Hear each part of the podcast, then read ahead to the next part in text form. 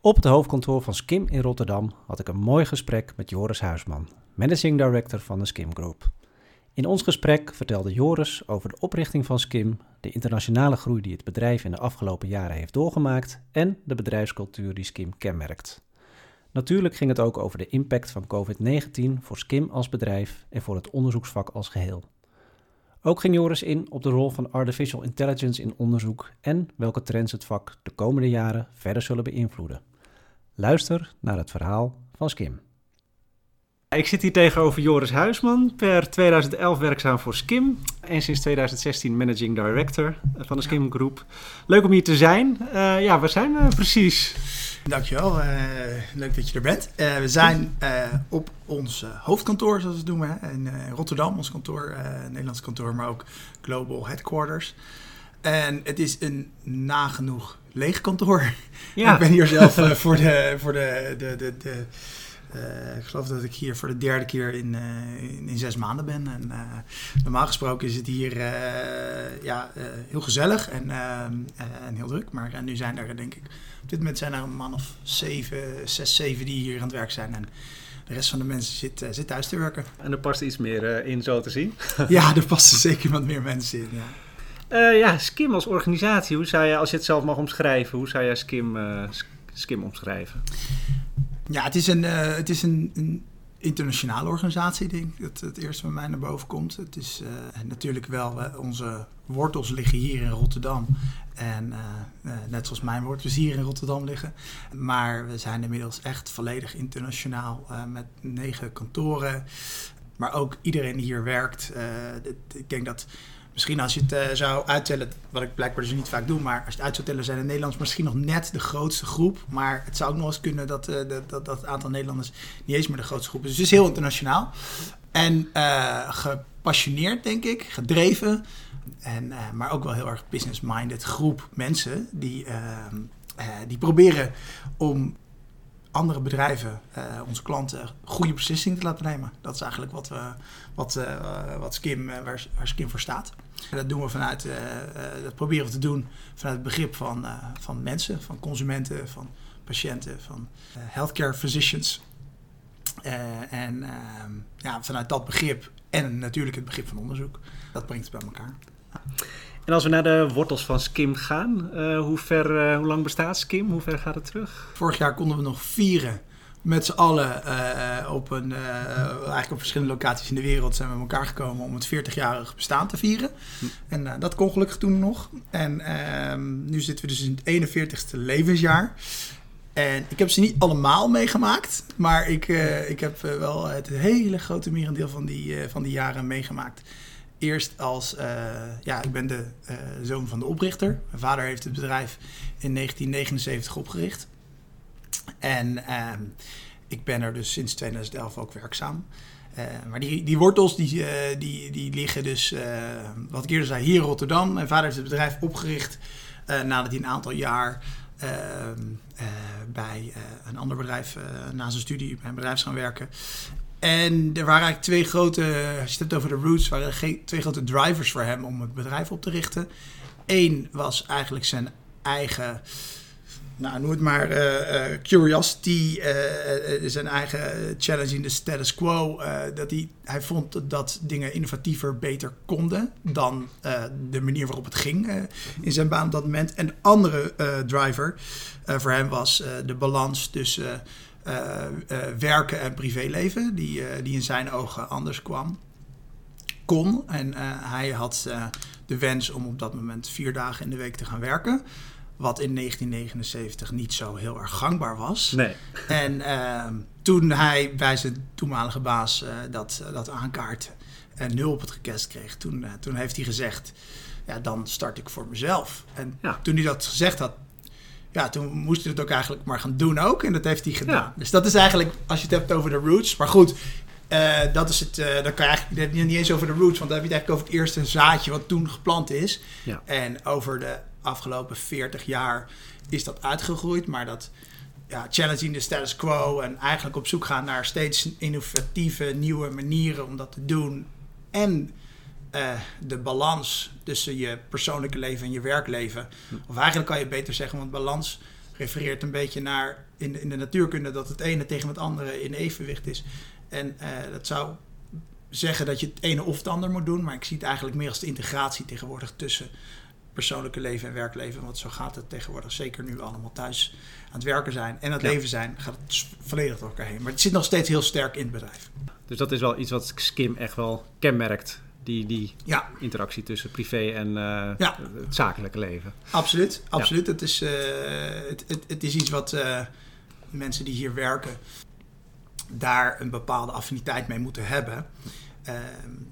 omdat je anders begrijp je niet hoe sommige dingen lopen binnen een bedrijf. Dat is, mm. we zijn geen we zijn geen publicly listed, we zijn geen, geen venture capital owned bedrijf. Op hetzelfde moment zijn we wel heel zakelijk. Ja. Dus dat is, uh, dat, is een, dat is eigenlijk een, een, een mix van, uh, dat zit in onze values. Het zit door het hele bedrijf heen, die, je moet, die, die leer je gaandeweg begrijpen. En uh, je gaf net al aan, hè? Rotterdam is misschien niet eens meer de grootste vestiging. Waar, waar, waar zitten jullie? nou, ik denk qua, qua aantallen mensen misschien nog wel, maar het is meer dat ook zelfs in Rotterdam zijn de Nederlanders misschien nog bijna in de minderheid. Uh, omdat het zo internationaal is, uh, dat, uh, dat mensen vanuit de hele wereld ook hier werken. En zo hebben we ook Nederlanders werken in andere kantoren. Maar we zitten, we zijn sinds 2000, ergens 2015 was, zeg maar, toen, in, tussen 2010 en 2015 best wel een aantal kantoren geopend. En in die periode zijn we ook echt naar structuur gegaan waarbij je vier regio's hebt. Dus we hebben nu Europa, of eigenlijk EMEA moet ik zeggen, bestaat uit Londen, Berlijn, Rotterdam. We hebben in Azië Singapore, APEC, dat uh, bedienen de, die hele regio. Latijns-Amerika bestaat uit Costa Rica en Sao Paulo, Brazilië. En in de US hebben we op dit moment ja, drie vestigingen, waar bedoel fysieke kantoren in de US, maar er zijn mensen eigenlijk door, door de hele US. Maar we zitten aan de westkust in San Francisco. Daar ik, uh, kan ik straks nog iets over delen ook. En uh, in Hoboken, New Jersey, wat natuurlijk onderdeel is van de New York area. Hm. En uh, Atlanta. Dus dat is waar we zijn, ja, nu overal zijn. En, en, ik denk dat, dat, dat dit is nog wel, ik zei, dit is wel het hoofdkantoor. Dus we hebben hier nog wel de meeste mensen. En als je kijkt van de richting die jullie doorontwikkelen, waar zie jij de meeste groei op korte termijn voor Skim? In welke markten? Ja, weet je wat mooi is? We zijn hartstikke klein ten opzichte van de markt. Hmm. En uh, dat betekent dat je in feite overal nog steeds heel veel kan groeien. Hè? Als je het als een, als een taart ziet, dan hebben we een heel klein puntje van die taart en we zouden overal heel goed kunnen groeien. Maar het is wel zo dat je uh, de groei van een, van een start-up kantoor waar je vijf mensen hebt naar een kantoor van 15, die kan je gewoon sneller doormaken. En dat is dan in, uh, in percentages, uh, in, in, groeipercentages gaat dat sneller. En dat is, dat is het geval in Azië. Dat ja. is vanuit Singapore hebben wij de, die, de, daar um, nu 8, 9, 9 uit mijn hoofd, 9 of 10 mensen zitten. En ja, dat kan, heel, dat kan best wel snel verdubbelen. In de US zitten zo'n 55 mensen. En dan van 55 naar 100 te groeien, en dan heb je over hetzelfde groeipercentage, dat is een stukje uit, uh, uitdagender. En op hetzelfde moment kan het ook, omdat die markt daar zo groot is. Dus het, ja. is, het, is niet, het, is, uh, het ligt meest voor de hand dat we hardste groeien in Azië. Maar de, de Europese en de, en de, Amerikaanse business is ook nog steeds heel veel uh, ruimte om te groeien. En uh, internationale cultuur gaf je net al aan, ook ja. hier in Rotterdam. wat, wat voor type mensen passen het beste bij Skim als je kijkt van wat, hier, wat hier werkt zoal? Nou, het is een mix. Want, want ik denk in, in wat we ook door de 40 jaar heen dat het bedrijf bestaat, is het steeds meer een mix geworden. omdat de eisen die worden gesteld aan uh, bureaus zoals wij, die advies geven aan bedrijven, ook steeds, uh, uh, denk, ja, noem ze maar hoger liggen. en een mix bedoel ik dat je en de businesskant heel goed moet begrijpen. Dus je moet heel goed begrepen hebben van, van hoe bedrijven werken, maar ook ehm, ja, hoe, hoe bedrijven winst kunnen maken en kunnen groeien. je moet heel goed begrijpen hoe consumenten uh, mensen eigenlijk keuzes maken. Dat is weer een heel ander vlak, hè? dat is het onderzoeksvlak. En je moet heel goed begrijpen hoe, hoe marketing in elkaar zit. En, ja, dan vergeet ik hem bijna te benoemen, maar het onderzoek doen op zich. Dus hoe je met data omgaat, hoe je met kwalitatief onderzoek omgaat, dat moet je ook kunnen. Dus het is een, het is een mix van mensen. De ene is heel erg gespecialiseerd in het doen van, van het bouwen van modellen, terwijl de ander veel, veel meer gespecialiseerd is in het, ja, het, het laten groeien van het bedrijf. Dus het is een mix van die expertises. En wat het denk ik bij elkaar brengt, is dat iedereen dat doet vanuit een visie dat je dat op mens, eh, mens georiënteerd, je hoort vaak uh, consumer-centric, centricity, uh, dat je dat echt vanuit de mens uh, gedachten doet, vanuit hoe maken mensen keuzes. Dus het is een, echt een, een, hele bonte verzameling, om het zo maar te zeggen. Dan even terug naar jou ook en jouw carrière. je gaf al aan inderdaad dat jouw vader het ooit, ooit is opgestart, ja. Skim. Is jou ook met de paplepel ingegoten thuis? nee, nee, eigenlijk niet. Als, als anekdote of een voorbeeld ervan. Als, vertel zo wel even waarom dat ik dat dan vroeg. Maar toen ik op een gegeven moment aan mijn vader vroeg... wat zou je ervan vinden als ik iets bij Skim ga doen? Toen uh, was hij daar totaal flabbergasted, zoals hij dat zelf uh, toen zei. Uh, of eigenlijk kon hij het niet eens zeggen. Hij heeft het me daarna in een mail geschreven... omdat hij dat met zo flabbergasted was dat hij niet eens kon zeggen... omdat hij, ja, dat gaat meer over mij, zeg maar, mijn opvoeding. Ik heb altijd ik ben zo opgevoed dat ik eigenlijk altijd de ruimte kreeg om het te ontwikkelen in de richting die ik zelf wilde. Dus ehm, dan kan ik niet goed dansen, maar als ik balletdanser was, had willen worden, dan was ik dat waarschijnlijk wel gaan doen. Maar waar ik wel in mijn, uh, uh, ja, toen middelbare school, uh, op een gegeven moment richting een studie ging kiezen, toen had ik heel veel affiniteit met de gebouwde omgeving. Die heb ik nog steeds wel hoor. Die, maar hoe ook de gebouwde omgeving en hoe uh, de maatschappij werkt in een gebouwde omgeving in combinatie met techniek. Dus zodoende kwam ik op de studie bouwkunde uit en wilde ik eigenlijk vanaf het begin dat ik daaraan begon nooit architect worden. Want ook tekenen is niet aan mij toe, toe, toegelegd, zeg maar. Maar ik wilde wel dingen creëren. Hm. Ik wilde uh, uh, juist vanuit die meer bouwmanagement, heet die richting dan, en projectontwikkeling wilde ik dingen creëren. Zodoende ben ik dat begonnen. En toen heb ik vijf jaar gewerkt als projectontwikkelaar. Eerst bij de Rabobank en daarna eigenlijk ook nog steeds bij de Rabobank.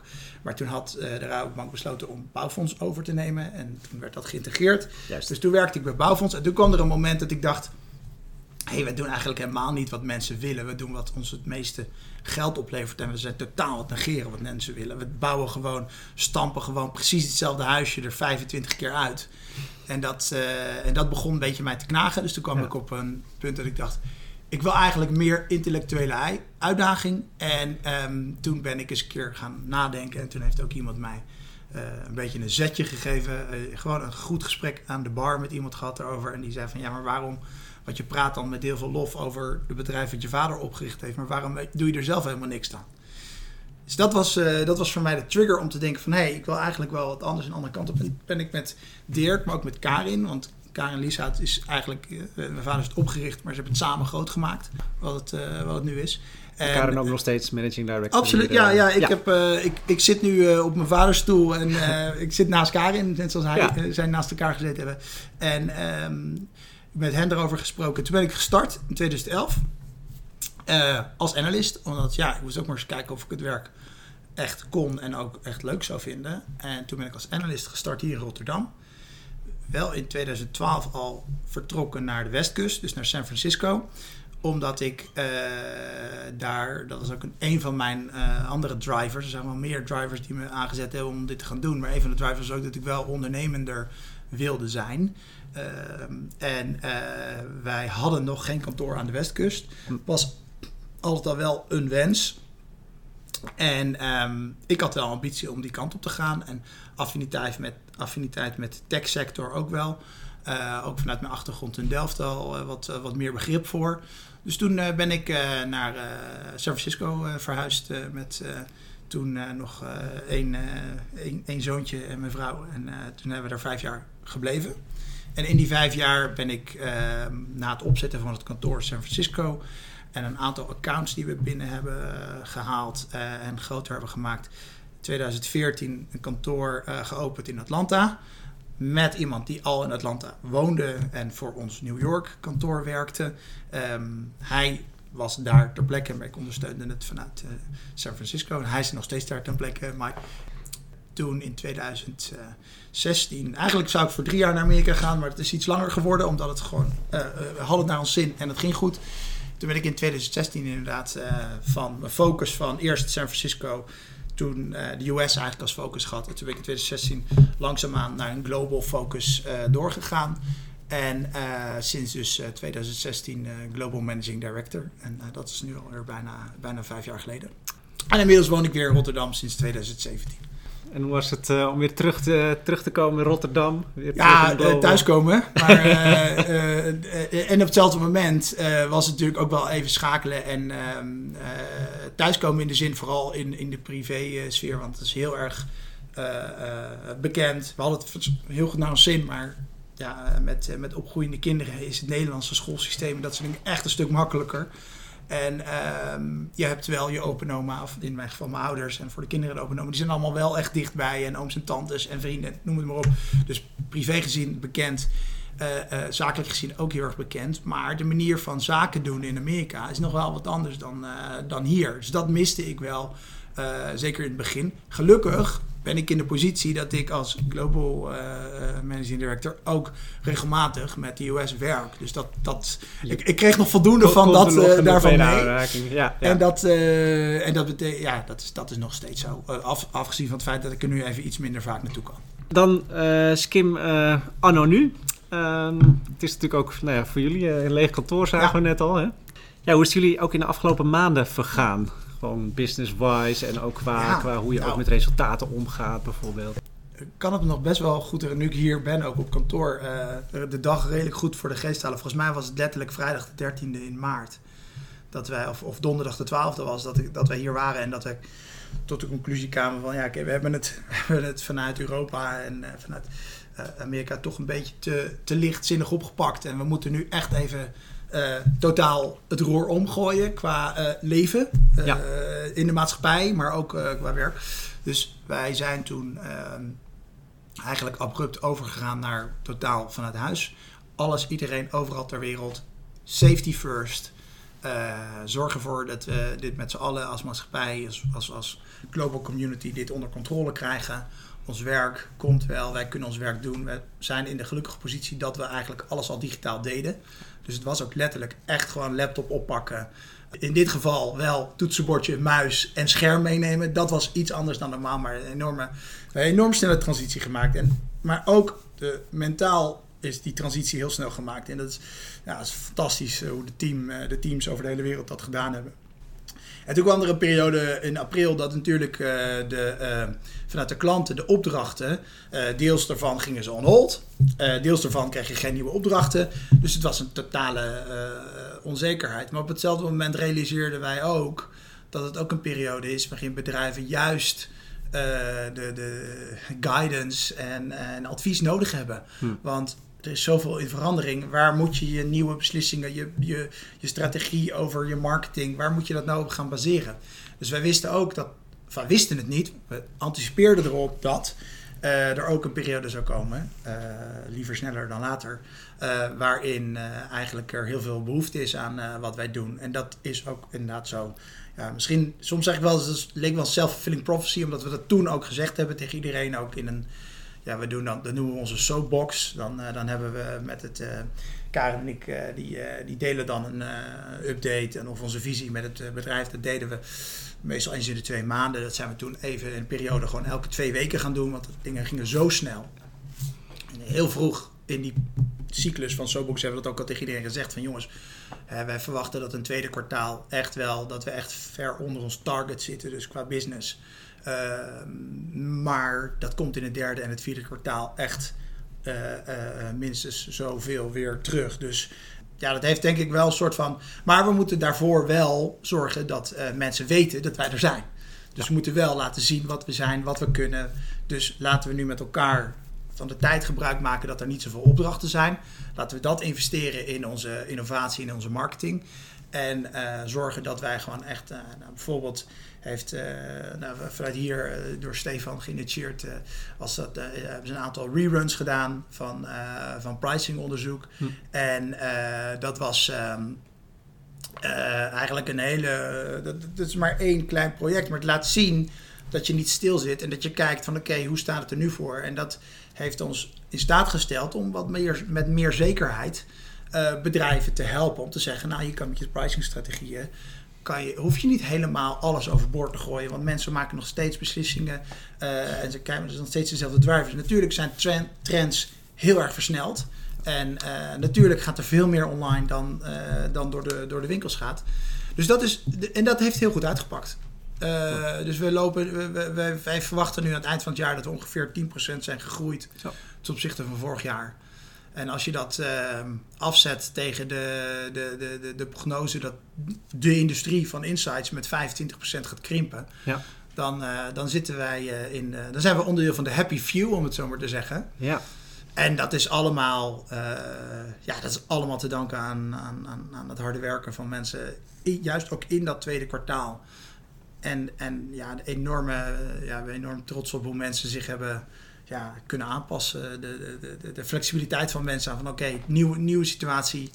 Uh, ja, we gaan het met z'n allen doen, maar we doen het digitaal met elkaar. Ja, en die, uh, die omslag is hier heel snel gemaakt. Ja, zo, ja. Uh, ja. ja. dat, is, dat is, het is enorm snel gemaakt. En natuurlijk heb je daar ook, ook dan is het heel erg belangrijk om aandacht te hebben voor de mens. Ja. Voor de, en dat is toen ook, dus, dus bijvoorbeeld, ik zei dat hier een aantal mensen zitten.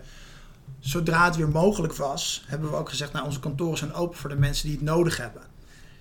We gaan niet nu naar een situatie die we hadden. en ik denk dat de situatie die we hadden ook niet meer terugkomt in die hoedanigheid.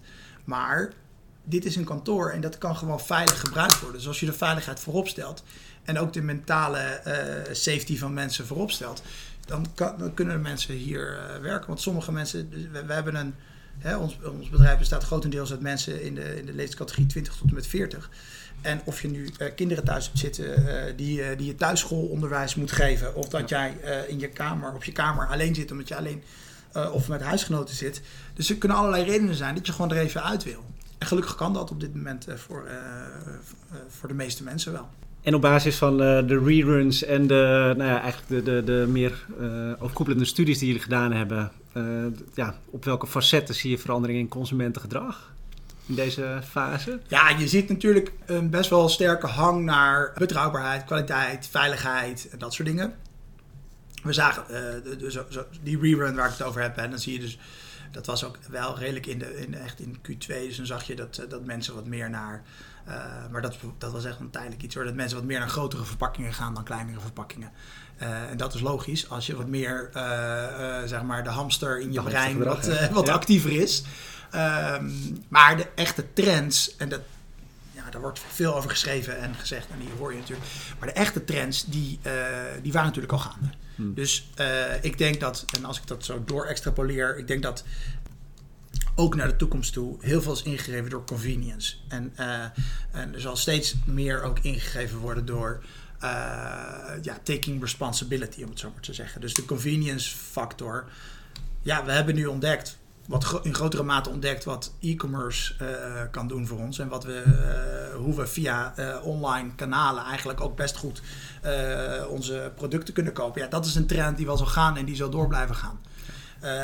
Safety en hygienes. En dat is toch een kwestie van ook, je moet dan weer die responsibility nemen.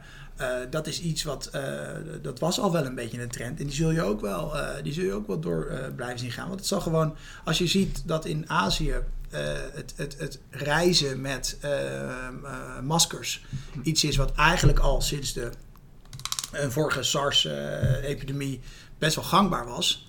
En in het Westen zijn we dan wat eh, hardnekkiger en koppiger en zien we dat. En dan denken we dan, ja, dat is helemaal niet nodig, doen we helemaal niet. Wij hoeven dat niet. Nee. Ja, dan zie je dat zoiets zal ook steeds meer, dat zal blijven. Dus dat, dat soort dingen zullen, zullen blijven. En als je dan, ja, één trend, en die kan ik nog niet, ik kan hem niet voorspellen, omdat ik nog niet zo kan zien. Maar ik hoop ook dat het uh, besef van taking responsibility nu ook leidt dat mensen ook in hun gedrag misschien iets meer naar duurzaamheid gaan kijken. Maar dat is misschien meer een wishful uh, thinking dan dat ik het daar daadwerkelijk kan staven. Alhoewel er ook wel wat, uh, uh, wat data is om dat echt te onderbouwen hoor.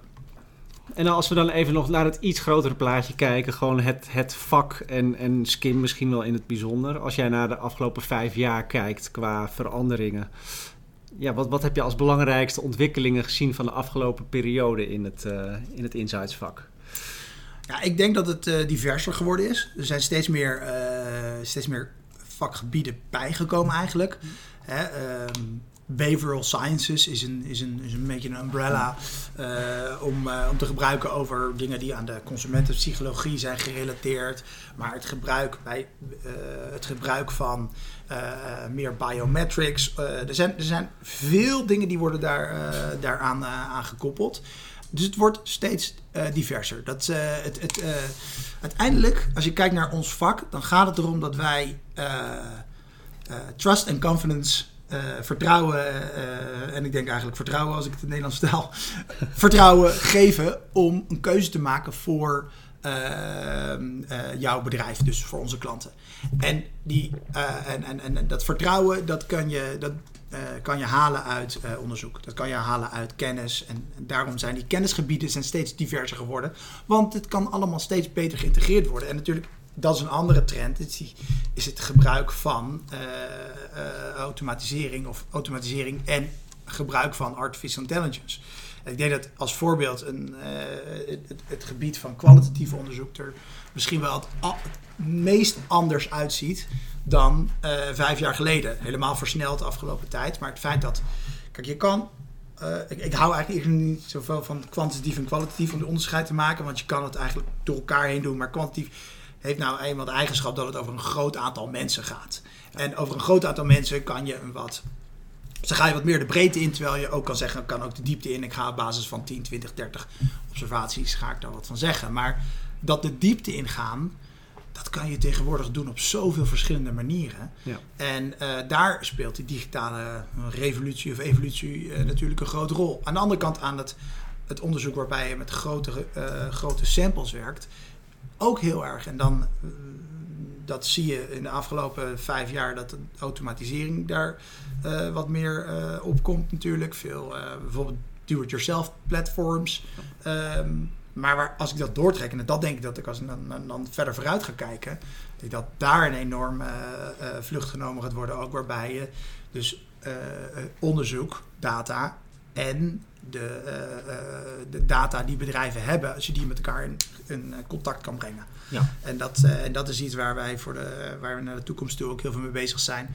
Kijk, in contact brengen of in, in, in context plaatsen van elkaar kan je natuurlijk doen door verschillende onderzoeken naast elkaar te leggen of de data analytics naast het uitkomst van het onderzoek te leggen. en dat is denk ik een eerste stap, een heel belangrijke stap. Maar ik denk in de aankomende jaren dat je, ook, dat je het ook ehm, echt daadwerkelijk met elkaar in verband kan gaan brengen. Hmm. Uh, in, in modellen die zowel de voordelen van analytics als de voordelen van onderzoek uh, met elkaar kunnen combineren. Je had het net al even over artificial intelligence. Op welke manier zie je dat uh, concreet voor je? Hoe, de, hoe zich dat binnen onderzoek gaat manifesteren? Kijk, artificial intelligence is iets wat natuurlijk een leuke term is. maar in feite komt het neer dat je algoritmes uh, het werk van mensen, beslis, beslismomenten van mensen laat overnemen. En uh, dat is iets wat, wat klinkt eigenlijk enger dan dat het is. in ons persoonlijke leven doen we dat al, want we laten steeds meer aan onze telefoon of aan onze virtual assistant, als je daarmee werkt, of aan je voice assistant over. Heel simpel gezegd, als je wil weten wat het weer is, dan kijk je naar je weer-app.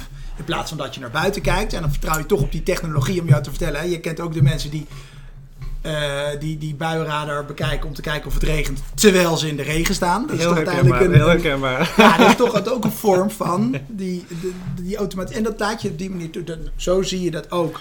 Denk ik, als we even naar, naar het onderzoek doen kijken. Daar zijn bepaalde activiteiten die uh, algoritmes van mensen over kunnen nemen. Maar het zal altijd een, een, een mix zijn van artificial intelligence en human intelligence. Uh, een van de gebieden waar ik heel erg enthousiast over ben, en ik uh, noemde net al het data fusion gebied, waarin je uh, door algoritmes te gebruiken, waar je je eigen logica in vertaalt. Je vertaalt je eigen bedachte logica. Die ga je vervolgens, probeer je die natuurlijk wel te valideren met, met dus het gebruik van AI. Dus je gaat modellen bouwen die je vervolgens laat valideren op basis van trainingsdata. Nou, Als je dat uh, nou gaat combineren met dus dat je de data die er is uh, binnen een bedrijf, bijvoorbeeld uh, sales data, time series data, gaat combineren met onderzoeksdata, dan kan je betere modellen krijgen. En dan kan je modellen die ook beter kunnen gaan voorspellen. Maar uiteindelijk blijft er natuurlijk wel nodig om een human operator te hebben, om het zo maar te zeggen. Dus ik denk dat dat een gebied is, daar ben ik zelf heel erg geïnteresseerd hoe dat zich gaat ontwikkelen. Dat betekent dat je minder modellen, je, je bouwt dat model, maar je blijft het model uh, verbeteren. Dat betekent dat je minder vaak een model gaat bouwen. Dus in, in die zin zie je daar dat artificial intelligence deels uh, de, de, de, menselijke activiteiten van keer op keer dat model bouwen overneemt. Uh, en op hetzelfde moment heb je hele goede mensen nodig om dat model, om als operator van het model te werken. En ook om te vertalen wat het nou betekent voor het gedrag van mensen in de toekomst. Dus de balans tussen het gebruik van artificial intelligence en de rol die wij mensen daarin hebben, of professionals als mensen daarin hebben, die, uh, het, zal geen het zal geen revolutie zijn, maar een snelle evolutie. Maar die, ja. die, die zie je nu gaandeweg steeds meer veranderen. En feitelijk is dan nu de fase dat je daaraan bouwt al, ja. zeg maar, dat je dat stapje voor stapje ontwikkelt. Ja. En op welke termijn zie je dat echt uh, gangbaar zijn binnen ons nou, land? Wat je natuurlijk gaat krijgen, is dat je technologisch uh, gaat het steeds sneller. Dus dat betekent dat je gebruik kan maken met cloud computing. Je krijgt straks de, de introductie van 5G. Als we de zendmasten nou niet allemaal verbranden, dan zijn we straks allemaal met 5G verbonden. En dat zal natuurlijk in het begin, net zoals in het begin toen de iPhone werd geïntroduceerd in 2007 volgens mij. Toen was het een gimmick iets en dan merkte je de, de impact op de maatschappij en op de, nog niet zozeer. Maar dat gaat nog een paar jaar duren. Maar daarna merk je dus dat al die modellen, die, er komt steeds meer data beschikbaar en die modellen kunnen steeds sneller draaien. Dus dat betekent dat je ook de, eigenlijk de, de, de, voor onze klanten hun business gaan, omdat alles sneller gaat, wordt de verwachting ook dat er sneller dingen op de markt worden gebracht, dat er sneller een nieuwe versie beschikbaar is van. Dus dat is, dat noem ik een beetje de, ja, eigenlijk de immediacy. Dus, ja. dus steeds meer is voor consumenten gaan ook steeds meer verwachten dat het sneller is. En dat geldt voor ons vak ook zo. Ja. Wij kunnen gebruik maken van die, van die toegenomen power. Als je het een beetje in de, in de, in de, in de, uh, de, de, de, de, horsepower van een, uh, van een automotor. Dat is gewoon iets wat steeds verder toe gaat nemen. En dat zal die evolutie steeds verder versnellen. Ja. Dus dat is iets uh, wat het is niet een. Het zal niet één moment zijn. Zoals we nu met z'n allen door deze, door deze de COVID-situatie heen gaan. Waarbij het echt een uh, hopelijk maar anderhalf jaar of een jaar is. Waarin er dingen heel snel zijn veranderen, zijn veranderd. Maar dat zal wel, uh, als dat 5G en cloud computing straks echt helemaal werkt, dan, dan, dan is bijvoorbeeld het gebruik. Ja, ik heb daar een tijdje geleden hebben we daar uitgebreid onderzoek naar gedaan. En dat was dat is het leuke van ons vak. Dat we ook kunnen onderzoeken naar dingen die ons gewoon interesseren. De, de, de, rol van de, de virtual assistant is iets waar we nu nog niet zo mee bezig zijn. Maar dat gaat ons leven zoveel makkelijker maken. Maar het gaat ook zoveel impact hebben voor bedrijven. Want ik ga echt niet meer allerlei keuzes maken. Want uh, ik, ik, ik, luister dan vaker naar een podcast van ehm, een man die heet Scott Galloway. En die zegt ik heb in mijn dag maar een paar goede beslissingen. En ik wil die beslissingen bewaren voor degene die er echt toe doen. En uh, dat is zo met die virtual assistant ook. Ik, zoveel mogelijk beslissingen, dus welk toiletpapier je precies koopt, dat gaat die assistant bepalen. Maar dat betekent wel dat bedrijven moeten hun marketing instellen op het uh, verbreken van een. Nou, nu hebben we het dan over de habitual loop van consumenten. Maar straks wordt het een automated loop. En hoe ga je daar Anyhow, ik ga misschien een beetje verder dan, uh, dan je vraag was. Nee, geen probleem. Geen maar probleem, uh, ik denk dat dat een, een enorme vlucht zal nemen. Ja. En dus ook in ons vak een enorme vlucht zal nemen. We moeten bepaalde beslissingen en bepaalde dingen moeten we over gaan laten aan algoritmes. En als we die algoritmes goed controleren, dan goed cont controleren, dus beheren, beheersen en controleren, dan, dan denk ik dat ons vak alleen maar gaat groeien. Want het aantal beslissingen wat marketeers moeten nemen en wat mensen in de, in de top van de bedrijf moeten nemen, dat zal alleen maar toe gaan nemen. Maar ze moeten het niet meer zelf doen. Ze moeten het voor een deel, ze moeten namelijk, omdat die cycli, wat ik zei, mensen verwachten sneller nieuwe producten. Die cycli worden allemaal korter. Dat betekent dat het aantal beslissingen dat ze moeten nemen steeds groter is. Ze moeten een deel moeten ze gaan, gaan vertrouwen op dus artificial intelligence om dat te doen. Ik heb nog tot slot een paar, uh, paar losse, losse vragen. Uh, zijn er nog bepaalde dingen die jij kan aanbevelen om wat we moeten lezen, luisteren, uh, bekijken? Wat jij in ieder geval zelf interessant vindt eh, voor, voor het vak of voor het Ja, leven? nou kijk, ik ben natuurlijk het vak ingerold in, in 2011 en ik heb er zelf heel veel aan gehad om toen ehm, wat meer te verdiepen in de de, de, de, de, zogenaamde industry associations. Dus, uh, dus een ESOMAR, wat, uh, wat meer global oriented is. En in Nederland dan de MOA. Dat zijn gewoon uh, organisaties waar heel veel te halen is als je het vak nog niet goed kent. maar ook als je het vak al kent, om in touch te blijven met wat er, wat er ontwikkelt. Dus dat is één, één kant waar ik, waar ik zeker zou aanraden. Het andere waar ik ook zeker mensen zou aanraden, omdat wij in ons vak um, uh, geven advies aan uh, de meestal grotere bedrijven. In ons geval wel. Wij richten ons dan echt op de grote multinational bedrijven. En om te begrijpen hoe zij werken, uh, is het ook goed om, om wat meer naar de, de publicaties zoals een Harvard Business Review of McKinsey, die publiceert veel, veel goede artikelen, om dat gewoon goed te blijven volgen. Want als je dat volgt, begrijp je beter hoe die bedrijven werken. En zelf, um, ja, maar dat is meer een persoonlijk iets. Zelf ben ik een enorme fan van podcasting, want ik ben gewoon echt niet zo goed in lezen. In de zin dat ik kan gewoon niet mijn aandacht erbij houden. Of mijn ogen kan ik niet meer focussen na twee pagina's. Dus ik ben een enorme fan van, van Audible, Storytel. Uh, omdat ik op die manier, de, dat is de enige manier voor mij om boeken tot me te nemen. Maar zo luister ik ook heel veel naar podcasts. Dus ik zou, dat, uh, ik zou zeker kijken wat, welke, welke gebieden je aanspreekt. Ik noemde net al die. Uh, ik heb dan een podcast die heet Pivot. Uh, dat is een reporter, uh, Kara Swisher en, en een professor Scott Galloway in de US. die, die veel over tech en business en de US praten. Maar er is een enorme range aan podcasts beschikbaar. Dus Ja. ik zou dat. ik denk dat er heel veel te halen is. Zeker. En ja, en dat blijven doen. Hè. Probeer, probeer gewoon echt in je. Natuurlijk heb je niet elke week de tijd ervoor, maar probeer echt door, je, door, je, door het jaar heen momenten te pakken. Dat je gewoon weer nieuwe dingen hoort, ziet, leest. Uh, omdat de, we de wereld gewoon constant in beweging is. En onze industrie ook. Zeker weten. Dankjewel. Uh, daarmee zijn we aan het eind gekomen van dit gesprek. Dus uh, in ieder geval heel erg bedankt voor je tijd en dat ik hier te gast mocht zijn. Ja, jij ook. Dankjewel. Leuk om dit te delen. Dankjewel voor het luisteren. Ik hoop dat je dit een interessante podcast vond. Laat vooral weten wat je ervan vond. Dat kan via een reactie op de website of stuur me een berichtje. Ik zou dat in ieder geval super vinden. Hopelijk tot de volgende podcast met weer een inspirerende gast uit het vak.